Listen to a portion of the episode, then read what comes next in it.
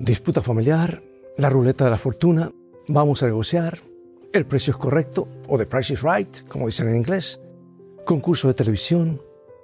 Comenzaron en la radio y la televisión en los Estados Unidos a fines de la década de 1930.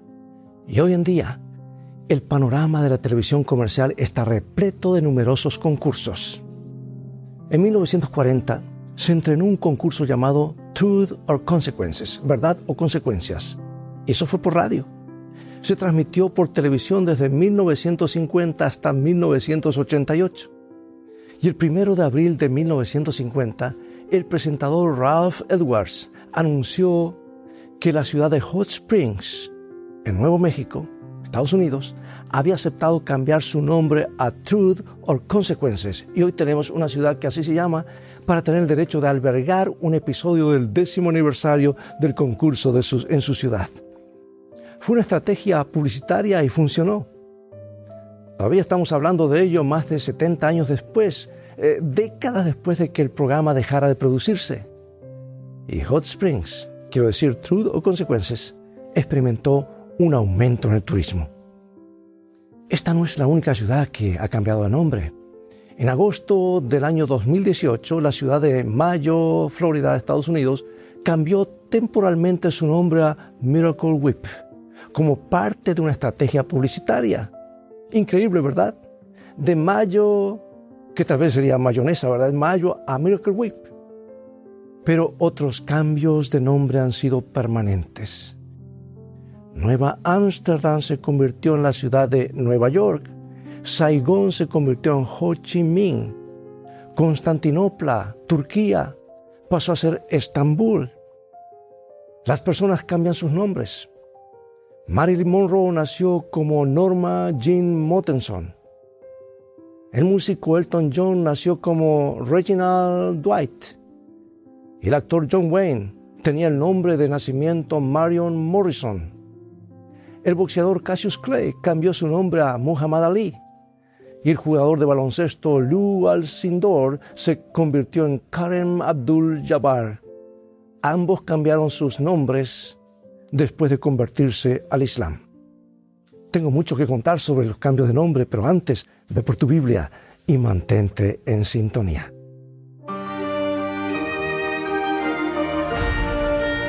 Escrito está, declara el mensaje final de Dios para nuestro tiempo, presentando al Cristo viviente como la respuesta a nuestras más profundas necesidades. Escrito está con el pastor Robert Costa. Algunas ciudades cambiaron su nombre por capricho. Hot Spring, Nuevo México, ganó una competencia con fines publicitarios. Algunas personas cambian sus nombres porque suena más llamativo, como el caso de Judy Garland, cuyo verdadero nombre era Frances Gum. Pero observa que Karen y Ali cambiaron sus nombres debido a un cambio fundamental en su pensamiento para reflejar sus nuevas creencias.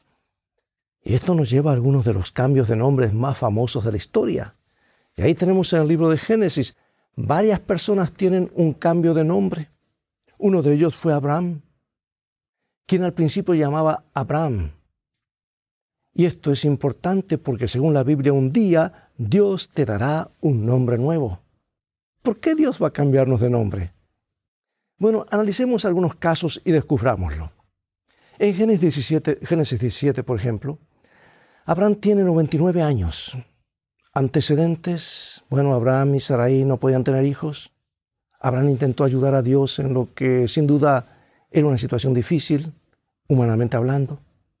Sarai luego Mm, sugirió que Abraham tomara a Agar, su criada, para tener un hijo, y así ocurrió porque era la costumbre en esa época, pero su hijo nunca sería el hijo prometido, y la situación se volvió extremadamente compleja. Uno esperaría que Abraham aprendiera la lección, y evidentemente lo hizo. Dios renovó su pacto con Abraham diciéndole, y pondré mi pacto entre mí y ti, y te multiplicaré en gran manera. Y continuó diciendo, y no se llamará más tu nombre Abraham, sino tu nombre será Abraham, porque te he puesto por padre de muchedumbre de gentes. su nombre cambió de Abraham a Abraham. Abraham probablemente significa algo muy parecido a Padre enaltecido. Y aunque no es fácil saber el significado preciso de Abraham, es muy probable que sea algo parecido a Padre de multitudes. Así que ahí tienes lo que sucedió.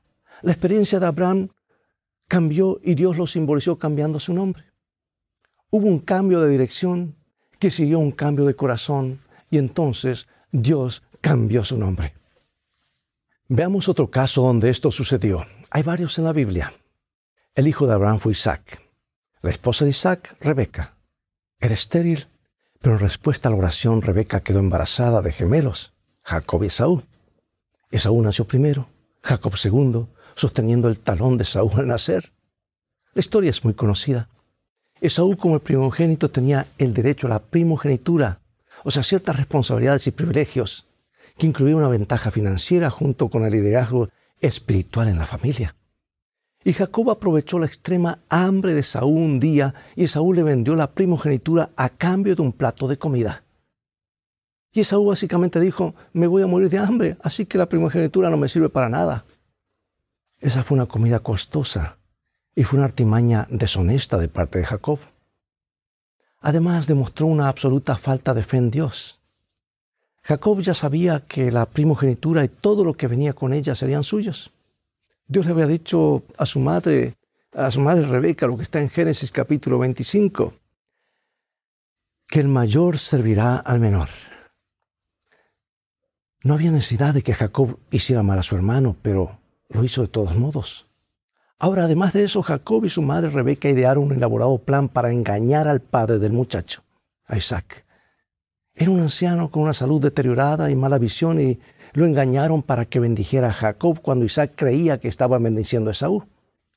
E Isaac estaba decepcionado por haber sido engañado. Y Esaú estaba enojado, tan enojado que la Biblia dice que odiaba a su hermano Jacob. Y Rebeca le aconsejó a Jacob, que huyera por su vida, y así lo hizo, viajando cientos de kilómetros y kilómetros hacia el hogar de su tío Labán. Ahora Abraham ocupa, ocupaba un lugar muy especial en el mundo. Fue llamado no solo padre de muchas naciones, sino progenitor del Mesías. El Mesías sería su descendiente. Jesús sería su descendiente. Y Abraham necesitaba un cambio de corazón y lo experimentó. Y Dios señaló ese cambio de corazón al darle un nombre nuevo. Ahora, aquí está su nieto, un completo, por decir así, sinvergüenza, un estafador, engañando a su hermano gemelo, engañando a su propio padre enfermo, robando el título de propiedad, etc. Sin embargo, Dios no renunció a él. Le dio a Jacob la hermosa visión de una escalera que conecta la tierra con el cielo. Dios prosperó a Jacob cuando Labán intentó engañarlo. Y luego cuando Jacob se enteró de que su hermano Esaú se dirigía hacia él, clamó a Dios. Creía que estaba en una situación difícil, y luego sucedió algo interesante. La Biblia dice en Génesis 32, luchó con él un varón hasta que rayaba el alba. Este era Cristo preencarnado luchando con Jacob. El libro describe que Jacob dice lloró y rogó, y le rogó. Le rogó porque Jacob luchó con el ángel durante toda la noche.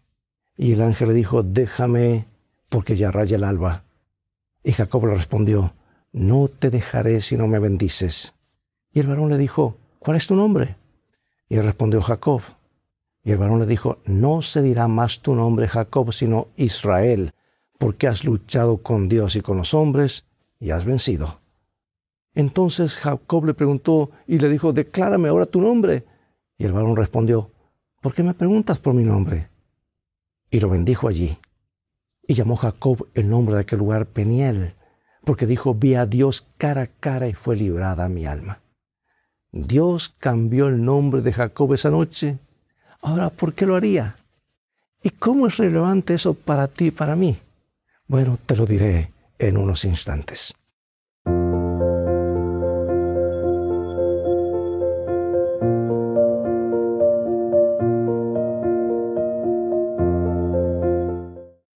Gracias por sintonizar Escrito está. El nombre de Michael King fue cambiado a Martin Luther King Jr. Samuel Langhorne Clemens es Mark Twain. El expresidente Gerald Ford nació como Leslie Lynch King Jr. Y Jacob, hijo de Isaac, en el Antiguo Testamento tuvo su nombre cambiado, pero en su caso su nombre fue cambiado por Dios. Y aquí está el motivo. El nombre Jacob significa suplantador, engañador. Y un suplantador es aquel que toma usurpa o usurpa el lugar de otro.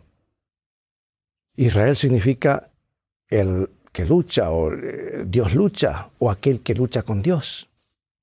El nombre de Martin Luther King Jr. fue cambiado a de Michael King después de que su padre viajó a Alemania y aprendió sobre Martin Luther. El expresidente Ford fue adoptado cuando era niño y su nombre fue cambiado entonces. Samuel Clemens escribía bajo el seudónimo de Mark Twain porque, bueno, no lo sé, y Samuel Clemens me parece un buen nombre de autor, ciertamente. Tal vez pensó que no era tan pegadizo como Mark Twain. Pero el nombre de Jacob fue cambiado a Israel por razones muy diferentes. Después de todos los errores, juicios equivocados y malas acciones de las que Jacob fue responsable, llegó un punto en su vida donde se arrepintió sinceramente.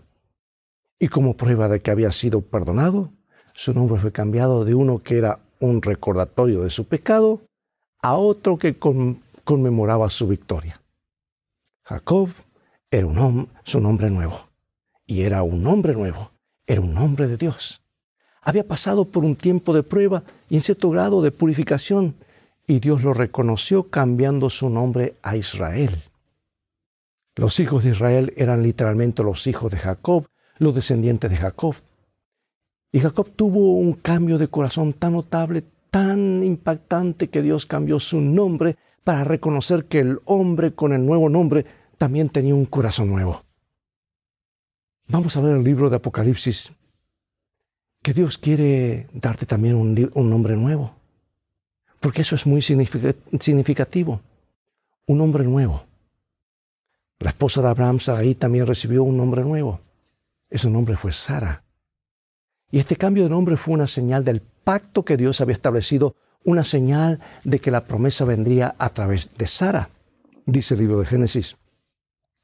Dijo también Dios a Abraham, a Sarai tu mujer no llamarás Sarai, mas Sara será su nombre. Y la bendeciré y también le daré a ella hijo, sí la bendeciré y vendrá a ser madre de naciones, reyes de pueblos vendrán de ella. E-, el método de Dios es el siguiente. Cuando una persona entra en una nueva fase de su experiencia de conversión, refinamiento, transformación, esa persona es reconocida mediante la concesión de un nuevo nombre. Evidentemente el diablo también trabaja con ese mismo plan, porque unos 600 años antes del nacimiento de Jesús, el rey babilónico Nabucodonosor invadió Israel y tomó la ciudad de Jerusalén. Se llevó al rey Joaquín, tomó objetos de valor y se llevó a algunos de los hijos de Israel y algunos del linaje real de los príncipes, muchachos en quienes no hubiese tacha alguna, dice la Biblia, de buen parecer, enseñados en toda sabiduría, sabios en ciencia y de buen entendimiento, eh, idóneos para estar en el palacio del rey y que les enseñase las letras y la lengua de los caldeos. Así que serían educados o reeducados con el propósito de avanzar en Babilonia y se les cambió de nombre. Daniel pasó a llamarse Belsasar, su amigo Ananías se convirtió en Sadrach, Misael fue bautizado como Mesac y Azarías recibió el nombre de Abednego. Ahora el nombre de Daniel significa Dios es mi juez. Ananías significa Dios es misericordioso. Misael significa ¿quién pertenece a Dios? Mientras que Azarías significa Jehová ayuda. Estos nombres se le dieron para recordar a cada individuo su propósito en la vida, sus bendiciones, su relación con Dios, su dependencia de Dios. Pero sus nombres fueron cambiados con un propósito. Aunque no está 100% claro qué significa cada uno de los cuatro nuevos nombres, Nabucodonosor dijo más tarde que el nuevo nombre de Daniel Belsasar había sido dado como el nombre de mi Dios. Abednego es claramente un nombre que honra deidades paganas, querían convertir a estos jóvenes en, babilonios, así que les dieron nuevos nombres para significar que estaban al servicio de un nuevo amo y por lo tanto debían honrar a nuevos dioses. Y cuando José fue llevado a Egipto, llamó uh, Faraón el nombre de José.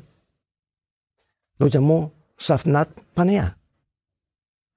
Los reyes decían, ahora estás en un nuevo equipo, ahora estás sirviendo a un Dios nuevo. Y cambiaron sus nombres para significarlo y para indicar lo que ellos se proponían.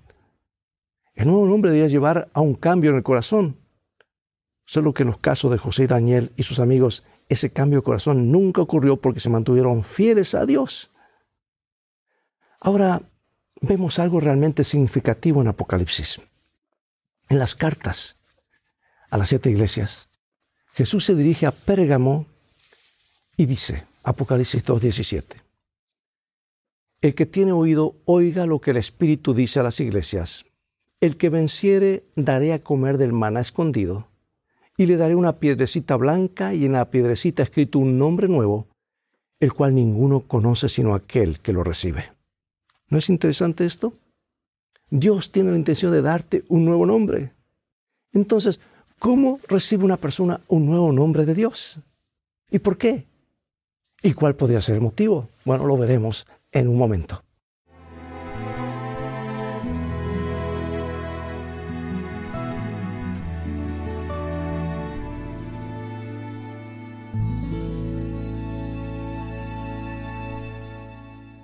Thomas Mapotter IV es el nombre de nacimiento del actor Tom Cruise. El músico ganador del premio Nobel, Bob Dylan, nació como Robert Zimmerman. Y el hermano de Andrés, en el Nuevo Testamento, que caminó sobre el agua, negó a Jesús y una vez atrapó un pez con una moneda de oro en la boca, era conocido como Simón hasta que Jesús le dio el nombre de Pedro, que significa piedra o piedrecitas podríamos decir roca, excepto que Jesús hizo la distinción entre Pedro y él mismo a decir en San Mateo 16, 18, tú eres Pedro, o sea, piedra, y sobre esta roca, refiriéndose a él mismo, a Jesús, edificaré mi iglesia. Jesús es la gran roca, esa roca inamovible. En cambio, Pedro era conocido como una roquita, una piedrecita, esas movibles. Pero ahora Simón tiene por sobrenombre Pedro para decir algo acerca de su carácter. Porque sería firme, pero no sería la versión final. Es como si Jesús estuviese diciendo, Simón, serás importante, fundamental para la iglesia, tendrás cualidades, pero recuerda que eres pequeño, una piedra. Recuerda que no eres el peñasco, no eres el peñón de Gibraltar. Y fue cuando Pedro olvidó que era pequeño y no grande que falló. Nunca te negaré, le dijo Jesús y luego lo negó tres veces en la noche antes que Jesús fuera crucificado.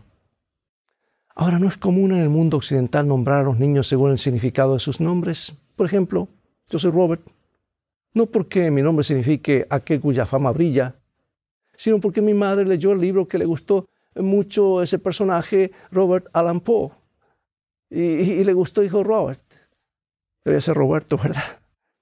Algo importante a tener en cuenta es que el significado de un nombre a menudo depende completamente del libro de nombres para bebés en que, en que le das la definición. Pero en el último libro de la Biblia vemos a Jesús decir esto en Apocalipsis capítulo 3, versículo 12. Al que venciere, yo le haré columna en el templo de Dios y nunca más saldrá de allí, y escribiré sobre él el nombre de mi Dios y el nombre de la ciudad de mi Dios, la nueva Jerusalén, la cual desciende del cielo de mi Dios, y mi nombre nuevo. Esto es una repetición del pensamiento de Isaías capítulo 62, porque recuerda que Apocalipsis no tiene prácticamente nada nuevo, más del 70% está tomado del Antiguo Testamento, y aquí se toma de Isaías 62, 2, donde dice, entonces verán las gentes tu justicia y todos los reyes tu gloria, y te será puesto un nombre nuevo que la boca de Jehová nombrará. Dios estaba prometiendo a su pueblo una nueva experiencia. Y el versículo 1 dice, por amor de Sión no callaré y por amor de Jerusalén no descansaré hasta que salga como resplandor su justicia y su salvación se encienda como una antorcha. Eso aún debe cumplirse en el pueblo de Dios. Y Dios dice, esa es la experiencia de la salvación cuando su pueblo será una corona de gloria en la mano de Jehová. y diadema de reino en la mano del Dios suyo, dice el libro de Isaías. Una nueva experiencia y un nuevo nombre que signifique esa experiencia. Y en este contexto, un nombre representa o indica el carácter y lo que Jesús nos dice aquí es que cuando te entregas a Él, Él desarrollará en ti un carácter como el suyo propio. Puedes manifestar el carácter de Cristo. Vale la pena reflexionar sobre esto. Es un alto llamado. Y Dios no está hablando de algo a medias, no está hablando del cristianismo cultural, del cristianismo eh, ficticio, sino de una fe real, una fe verdadera, profunda, una fe duradera en Él. Esto no es actuar un papel, sino entregarse por completo a Dios para que tu experiencia sea nueva en Jesús y viva su vida en ti. Esta es la promesa de las Escrituras, segundo libro de Corintios capítulo 5, 17. De modo que si alguno está en Cristo, nueva criatura es, las cosas viejas pasaron, y aquí todas son hechas nuevas. De hecho, ese es el privilegio de, la, eh, de las escrituras. Nos habla de algo, un cambio maravilloso y me pregunto si muchas personas no se estarán quedando cortas a no alcanzar la experiencia que Dios quiere que tengan. No están en la iglesia cuando podrían estarlo, no leen la Biblia, no comparten su fe, no experimentan una vida de oración significativa, simplemente no aprovechan todo lo que Dios les quiere dar. Y esta es una experiencia que cualquier persona puede tener. Mira cómo lo expresa Dios. Ezequiel capítulo 36. Os daré corazón nuevo y pondré espíritu nuevo dentro de vosotros y quitaré de vuestra carne el corazón de piedra y os daré un corazón de carne y pondré dentro de vosotros mi espíritu, y haré que andéis en mis estatutos, y guardéis mis preceptos, y los pongáis por obra. Bueno, esto es lo que Dios hace en la vida de una persona. Dice, os daré un corazón nuevo, pondré un espíritu nuevo en vosotros, quitaré de vuestro corazón de piedra, os daré un corazón de carne, pondré mi espíritu dentro de vosotros. Dios quiere trabajar en tu vida de manera fundamental para que tengas un nuevo carácter. El cristianismo no es simplemente aprender a vivir siguiendo un nuevo conjunto de reglas. Es un cambio de corazón, un cambio de mente. Es un cambio de carácter. Dios no quiere que vivas en este mundo atado a la persona que solías ser. Él quiere que seas libre de esa antigua vida, libre de los viejos hábitos negativos, libre de las personas y los procesos de pensamiento que te arrastran hacia abajo. Dios quiere que seas libre de todo eso. En los días de Pablo había creyentes que insistían en que todos deberían seguir las creencias judías que quedaron obsoletas cuando Jesús murió en la cruz, las fiestas ceremoniales y demás. Pero Pablo escribió a los Gálatas lo siguiente, porque en Cristo Jesús ni la circuncisión vale nada, ni la incircuncisión, sino una nueva creación. Jesús habló con un hombre llamado Nicodemo y le dijo, es necesario nacer de nuevo. Y eso es lo que Dios puede hacer en tu vida cuando abres tu corazón a Él. Entonces, ¿cuál será ese nombre nuevo que Dios promete darte? Bueno, no podemos saberlo con certeza, pero sin duda será un nombre con el que estarás contento. Lo más probable es que esté adaptado para ajustarse a tu experiencia y tu carácter. Es una de esas cosas que tendremos que esperar hasta que el cielo, hasta llegar al cielo para descubrir. Pero en esta vida puedes tener la experiencia de fe que Dios quiere que tengas. Puedes vivir con integridad, puedes vivir con la cabeza en alto. La vida vieja no tiene que definirte. Y la persona que eras puede ser solo eso, la persona que eras.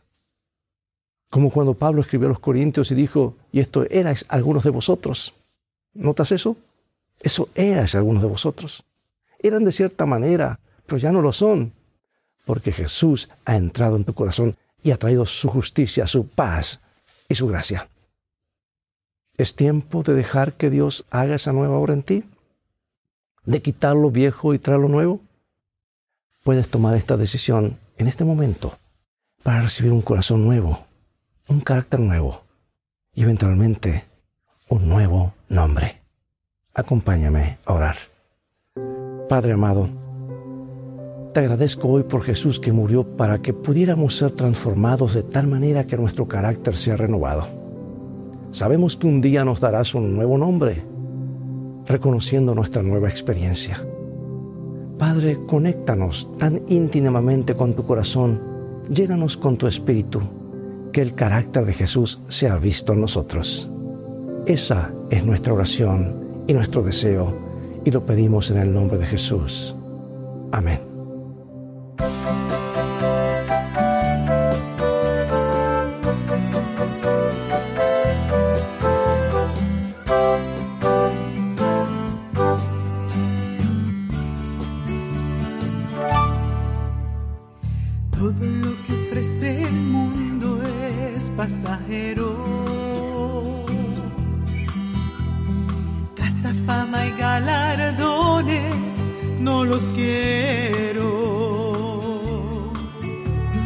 Solo quiero estar en tu presencia, que pueda cada día estar más cerca. Ayúdame a dejar lo que me aleja de ti, Señor. Hacer tu voluntad, saber que piensas, que sea tu bondad fortaleza, vivir en santidad. Esa es mi fuerza, Jesús. quiero que se pierda en mí lo verdadero, tratando de alcanzar ser yo el primero. Tan solo quiero estar en tu presencia,